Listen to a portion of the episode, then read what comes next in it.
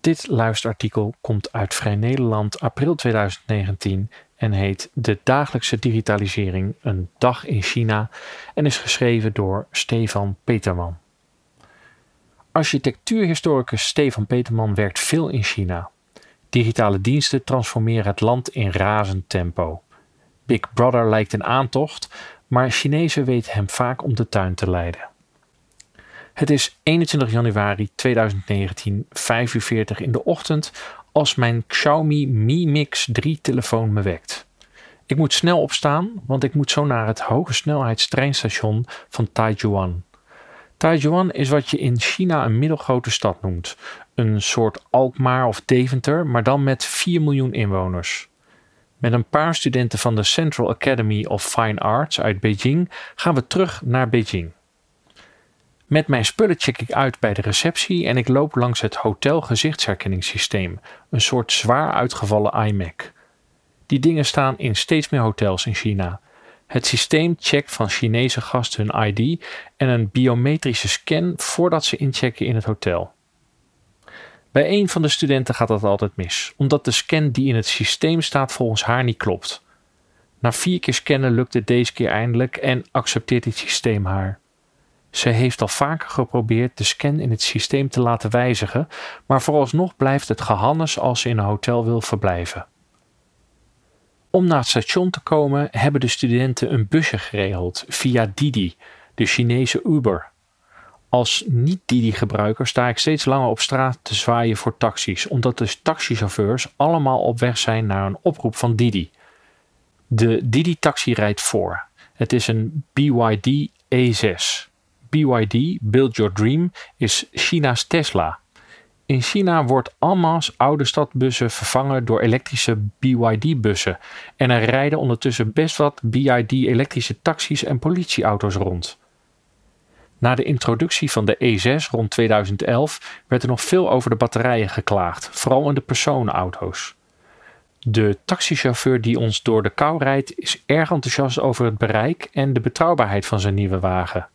Wanneer we de snelweg opdraaien, ligt zijn telefoonscherm op als hij met 50 km per uur door het tolpoortje rijdt met het symbool van Alibaba. Hij heeft net zijn tol betaald met Alipay, de betaaldienst van Alibaba. Chinese taxichauffeurs hebben om de een of andere reden minimaal drie smartphones. Niet zelden gebruiken ze twee verschillende navigatiesystemen tegelijkertijd, wat tot een helskabaal leidt als de systemen het niet eens zijn over de route. Ze wijzen de taxichauffeurs ook stevast op alle camera's. Meestal werken die volgens de chauffeurs niet. Een groot deel is fake, denken ze. Wie denkt dat China een autoritaire machine is van gestaalde kaders, moet er nodig met de auto op reis. Autorijden in China is als een oneindige interactieve live-uitzending van wegmisbruikers. Het valt me op dat de afstanden die de navigatiesystemen van de chauffeurs aangeven erg precies zijn, meestal in meters nauwkeurig. De Chinese navigatiesystemen gebruiken China's eigen GPS-systeem. In 2015 werd begonnen met de derde generatie van Baidu en die is accurater dan het Amerikaanse GPS en de Europese evenknie Galileo. Sinds de jaarwisseling heeft het nieuwe systeem een wereldwijde dekking. Hij kan tot 3 mm nauwkeurig plaats bepalen en is daarmee 10 keer scherper dan GPS met alle vaak slap onderbouwde ophef vanuit de Verenigde Staten over het stelen van technologie door China, zou je bijna vergeten wat er in China zelf bedacht en ontwikkeld wordt.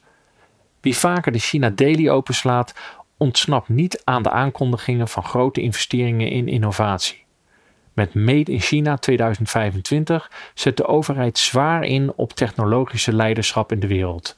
En op hun eigen manier zijn ze aardig op weg. Digitale diensten transformeren het land razendsnel en op enorme schaal, veel meer dan in de VS en Europa. Aangekomen op het gigantische nieuwe hoge snelheidstreinstation van Taijuan moeten we eerst door de controles. Je moet je paspoort of ID laten scannen en verder volgen er voor de bühne wat checks met poortjes. In de enorme vertrekhal wil ik koffie halen. Dat lukt niet. Nu lukt het wel vaker niet, omdat ik zo goed als geen Chinees spreek, maar zelfs als ik het aanwijs op een kaart met plaatjes krijg ik geen koffie. Een van de studenten legt uit dat je voor deze keten een account nodig hebt. Luckin Coffee is twee jaar na oprichting de op één na grootste koffieketen van China en je kunt er alleen koffie kopen als je inlogt. Ze hebben geen zitruimte, maar bezorgen de koffie desgewenst wel tot aan je bureau. Vrijwel alle studenten hebben er een account. De Gouden Fuxin Renaissance Hogesnelheidstrein G92 richting Peking stoomt binnen op het steenkoude perron 18. Taijuan ligt 516 kilometer van Peking. Dat is ongeveer van Amsterdam naar Parijs en onze trein zal er iets meer dan twee uur over doen. De eerste Chinese hogesnelheidstreinen waren nog kopieën van de Duitse ICE-treinen, maar China heeft nu de snelste hogesnelheidstrein ter wereld. We zitten tweede klas en het kaartje kost ongeveer 18 euro. De trein vertrekt exact op tijd, wat in mijn ervaring eigenlijk altijd het geval is. De treinverbindingen, die inmiddels vrijwel door het hele land liggen, zijn veel betrouwbaarder dan het binnenlandse vliegtuigverkeer, dat standaard veel vertraging heeft omdat het luchtruim vaak vol zit. Het eerste wat we horen nadat de deuren gesloten zijn, is een stem door de speakers die vertelt dat deze generatie treinen geheel bedacht, ontwikkeld en gemaakt is in China. En daarna dat zwartrijders hard gestraft worden op hun social crediting rating, waardoor ze in de toekomst mogelijk niet meer met de trein kunnen reizen of problemen kunnen krijgen om leningen af te sluiten. Dat zullen we bij de volgende halte steeds weer horen. Een van de studenten begint met haar telefoon haar make-up te doen. Ze laat me haar favoriete beauty app zien. Hij heet Je bent vandaag echt mooi. Bijna alle andere vrouwelijke studenten hebben hem ook. Je maakt van zeer dichtbij een foto die nauwkeurig geanalyseerd wordt. Ik probeer de app. Hij weet mijn leeftijd op een jaar na. Vervolgens geeft hij een score voor de kwaliteit van je huid. Bij mij 72 uit 100 punten. En met gedetailleerde diagnose van de vetheid van je huid op verschillende plekken, je wallen en andere tekorten. En adviseert hij over producten die dat leed weer kunnen verzachten. Voor plastische chirurgie is er de app Nieuwe Zuurstof, die er een beetje op lijkt, maar suggesties geeft voor botox en andere ingrepen en ook advies hoe een wittere huid te krijgen. Er zijn ook steeds meer telefoons met geïntegreerde AI-functies die foto's verbeteren, die populair zijn omdat Chinese beroemdheden ze gebruiken. De studenten vinden het ook wel wat plat. Een andere app die onder vrouwen erg populair is en volgens hen ook in China is bedacht, heet Mooie Grapefruit en houdt je maandelijkse cyclus bij. Hij is bijzonder uitgebreid en biedt onder meer de mogelijkheid om de wederhelft of familieleden digitaal op de hoogte te houden. Daarnaast krijg je waarschuwingen om tijdig sanitaire doekjes en andere zaken te bestellen en is er een populair forum om ervaringen te delen. Ook populair onder de middelbare scholieren is de huiswerkgroep of huiswerkhulp. Een app waarmee je online huiswerkbegeleiding krijgt. Je geeft aan bij welk vak je hulp nodig hebt, maakt een foto van het probleem en wordt meteen verbonden met een huiswerkbegeleider, een echt mens, die je helpt samen de opgave via videochat en een gedeeld notepad op te lossen. Na afloop geef je de begeleider een rating over de kwaliteit van zijn hulp. Mijn mededocent Xi Yang laat de nieuwe inkomstenbelastingcalculator zien. De belastingapp wordt momenteel van stad naar stad uitgerold. Je kan er nog niet mee betalen, maar wel al online toeslagen aanvragen. Belastingen in China zijn de laatste jaren redelijk sterk gestegen en ook de controles zijn strenger geworden. Een groot deel van de dagelijkse aankopen gaat in China via de telefoon en met een belastingapp ernaast voelt het toch een beetje alsof de fiscus in je portemonnee zit. Belastingbetalende Chinezen die ik tref kijken ook wat ongemakkelijk als ik erover begin. Ja, Eigenlijk zouden ze misschien beter moeten uitkijken, maar het zou betekenen dat ze hun comfortabele. Ja, eigenlijk zouden ze misschien beter moeten uitkijken, maar het zou betekenen dat ze hun comfortabele virtuele betalingssystemen zouden moeten opgeven. En daar zit niemand op te wachten. Wat opvalt bij alle digitale ontwikkelingen in China is dat iedereen de enorme kwetsbaarheden in privacy bijna lijkt op te zoeken. Het is een onderwerp waar niet veel over gesproken wordt. In hoeverre dat desinteresse is of juist duidt op oprechte zorgen, wordt me nooit helemaal duidelijk. Als je leest over de angstaanjagende registratiesystemen in sommige provincies, zou je verwachten dat je een bevolking aantreft die extreem op zijn hoede is. Maar nee, de volledige integratie van het dagelijks leven met digitale technologie gebeurt, voor zover ik kan zien, eerder op initiatief van de gebruikers dan vanuit de overheid. Die overheid surft mee op de enorme honger naar gepersonaliseerde diensten en comfort en doet daar haar voordeel mee. De jongens zijn minder van de apps. We hebben een Chinese kakker in de groep. Hij vindt veel online dingen maar niks. Hij heeft een gouden bril, rookt duurdere sigaretten dan de andere studenten en draagt graag kleren met een Bentley-logo. Ik vraag hem wat volgens hem dan de toekomst is. Hij toont me een duur horloge en laat een artikel zien. Het is een Chinees bedrijf als eerste gelukt om een extreem kleine veer uit één stuk uit een 3D-printer te krijgen. Het horloge is daarmee accurater. Volgens hem is dat de toekomst van China. Een andere student komt met een waterdichte stekkerdoos aan.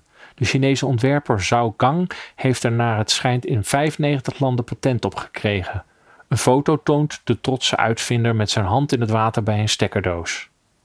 We komen aan op het nog gigantischere Beijing West station en bestellen weer een Didi om naar de campus te gaan. Het is te ver om te fietsen. Online deelfietsen, die een paar jaar geleden uit het niets overal in Beijing verschenen, zijn nog steeds populair, maar het nieuwe is er wel vanaf. Af en toe zie je grote hopen fietsen liggen. De grootste aanbieder, Mobike, lanceerde afgelopen jaar een plan om bejaarden illegaal geparkeerde fietsen te laten verplaatsen in ruil voor een soort online lottokaartjes. Een student begint vanuit de taxi druk te bellen. Het fruit dat ze besteld heeft op online shoppingplatform Tabao is aangekomen. Fruit, met name appels, peren en sinaasappels, bestellen de studenten de laatste jaren vrijwel altijd online van verkopers met hoge ratings. Ook voor diepvriesproducten en verse vis zijn er diensten die ervoor zorgen dat, al komt het van duizend kilometer verderop, alles koud wordt afgeleverd. Naast een enorme berg online shoppingdozen bij de poort van de campus treffen we de bezorger aan met een grote doos peren uit een dorp uit de provincie Henan. Een andere boodschappen-app die erbij gekomen is de laatste jaren is Hema van Alibaba, die boodschappen meteen naar je toe komt brengen. Als je staat te koken en je hebt iets nodig, dan staat er binnen een half uur iemand aan je deur. Bij de campus wil ik ook weer eens koffie bestellen. Ik schiet een KFC binnen, bestel koffie, maar kan daar nu ineens niet meer met cashgeld betalen. Creditcard werkt ook niet. De dame achter de counter tikt bozig op het scherm van haar telefoon. Ik kan alleen met telefoon betalen. Ik druif af naar de 7-Eleven waar ik meer geluk heb, hoewel met cash betalen daar ook sterk de uitzondering is. Daarna gaan we voor een snelle lunch naar een restaurant. Bij de ingang krijg ik een iPad in handen gedrukt waarop ik kan bestellen. We geven hem terug, want het restaurant heeft ook een WeChat-functie waar ook direct mee kan worden afgerekend. Dat is handiger volgens de studenten. Er wordt druk gewechat met het restaurant en al snel komt het eten. Na het eten gaan we naar het klaslokaal in de architectuurfaculteit. Ik klapper mijn laptop open en zie niet veel later een zwart flitsje in het scherm. Dat is nu al een paar maanden zo, sinds een eerdere reis naar China. Op geregelde momenten, vooral als ik in China ben, verschijnen die flitsjes in beeld. Ik heb het idee dat mijn laptop is gehackt en er af en toe een screendump wordt gemaakt. Of erger. In Wired stond laatst een angstaanjagend portret over autoritaire technologie. Is Big Tech merging with Big Brother? Kinda looks like it. Door David Samuels. Met een grote rol voor de manieren waarop de staat elke Chinees nauwlettend in de gaten kan houden. Centraal staat het sociaal kredietsysteem dat door China ontwikkeld wordt. Burgers kunnen er punten verdienen met goed gedrag en daar dan allerlei voordelen voor krijgen. Ze kunnen ook strafpunten krijgen, die kunnen leiden tot sociale uitsluiting. Nu is de dreiging van zo'n systeem absoluut reëel, zeker met de ontwikkeling van AI en geautomatiseerde gezichtsherkenning. Maar de praktijk in China is nog steeds weer barstig. Als ik bij de studenten over het social credit systeem begin, doen ze meestal een beetje lacherig. Ze vinden de westerse berichten erover meestal gehyped, zelfs de studenten die meestal veel klagen over de overheid. Ik moet zeggen dat ik er tot nog toe, behalve in de trein dus, niets van heb meegekregen in het publieke leven. Eén keer vertelden de studenten over een van de vele manieren om het systeem om de tuin te leiden. Chinezen zijn kampioen om de tuin leiden. Als je werkschoenen koopt in China, krijg je daar in principe positieve creditpunten voor. Werk is immers een deugd en die schoenen zijn daarvoor bedoeld. Een groep studenten had virtueel 100 paar werkschoenen gekocht en verkochten die steeds weer aan elkaar. En zo stapelde iedereen punten op. Ook kun je software kopen die doet alsof je staatskunde studeert, waar je ook weer punten voor krijgt. Jarenlang armpje drukken met de staat heeft ook tot veel creativiteit geleid. Voor we aan het werk gaan, excuseert een van de studenten zich. Ze zag er al een tijdje pips uit en de extreme kou op het platteland waar we waren, heeft haar geen goed gedaan. Ze zegt dat ze naar de dokter gaat. Ze loopt naar achter in het lokaal en fluistert op zachte toon enige tijd in haar telefoon. Na ongeveer vijf minuten schuift ze weer aan. Ik vraag haar waarom ze niet naar de dokter gaat. Ze zegt dat ze dat al heeft gedaan. Hij heeft een medicijn voorgeschreven dat over 22 minuten wordt bezorgd. Ze laat de dokters-app Bezorgapotheek zien. Als je je niet lekker voelt, open je de app, selecteer je via icoontjes wat eraan markeert en word je doorverbonden met een online dokter. Via een videochat stelt hij een diagnose, schrijft de medicijn uit en zorgt ervoor dat dat binnen 28 minuten bij je bezorgd is. Je bent ziek, dan wil je toch niet zelf naar de dokter en ook nog naar een apotheek gaan? Nog voor we echt beginnen met de werkgroep stapt de eerste bezorger het lokaal binnen. Wie er drie koffie heeft besteld. Een student neemt ze aan en geeft me twee koffies. Hij wist niet wat ik lekker vond en had er dus twee besteld. In de trein had ik verteld dat ik meestal espresso drink, maar af en toe ook een cappuccino. Ik heb het al vaker meegemaakt. In het dagelijks leven worden dilemma's in China opgelost door beide opties te kiezen. Als je een voorstel doet met keuzemogelijkheden, leidt dat ertoe dat alle mogelijkheden worden uitgevoerd. Gaan we links of rechts? Wordt meestal we gaan links en rechts, hoe dan ook.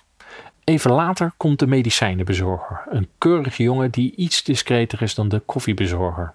Hij doet me denken aan een andere nieuwe functie bij Taobao.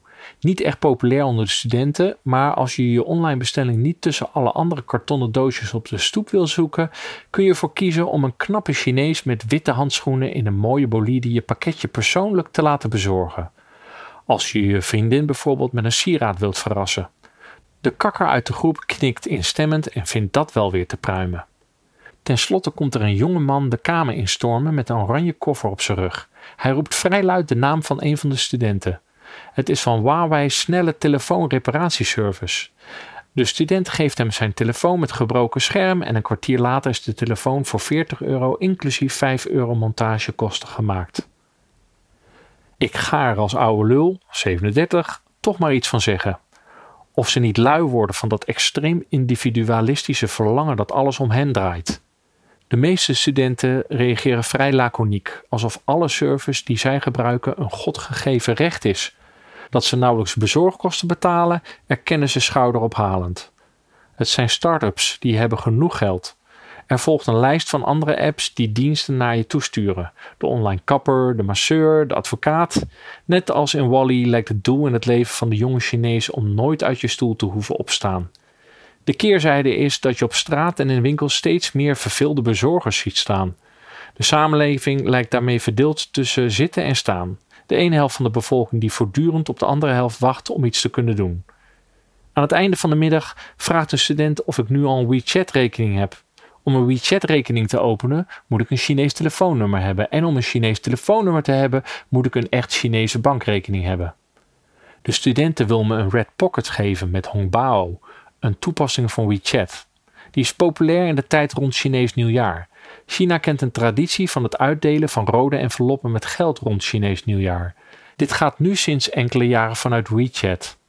Je geeft een totaalbedrag op en selecteert ontvangers, meestal familie en vrienden. Het geld wordt willekeurig over de enveloppen verdeeld en naar ieders telefoon gestuurd. Rond nieuwjaar worden er per minuut meer dan 25.000 enveloppen geopend. De app houdt bij van wie je hoeveel gekregen hebt, zodat je dat ook kan terugschenken. Doe je dat niet goed, dan is de kans groot dat je van de ander volgend jaar niets krijgt. Chinezen moeten ondertussen wel tot het deel van de mensheid horen dat de meeste data genereert.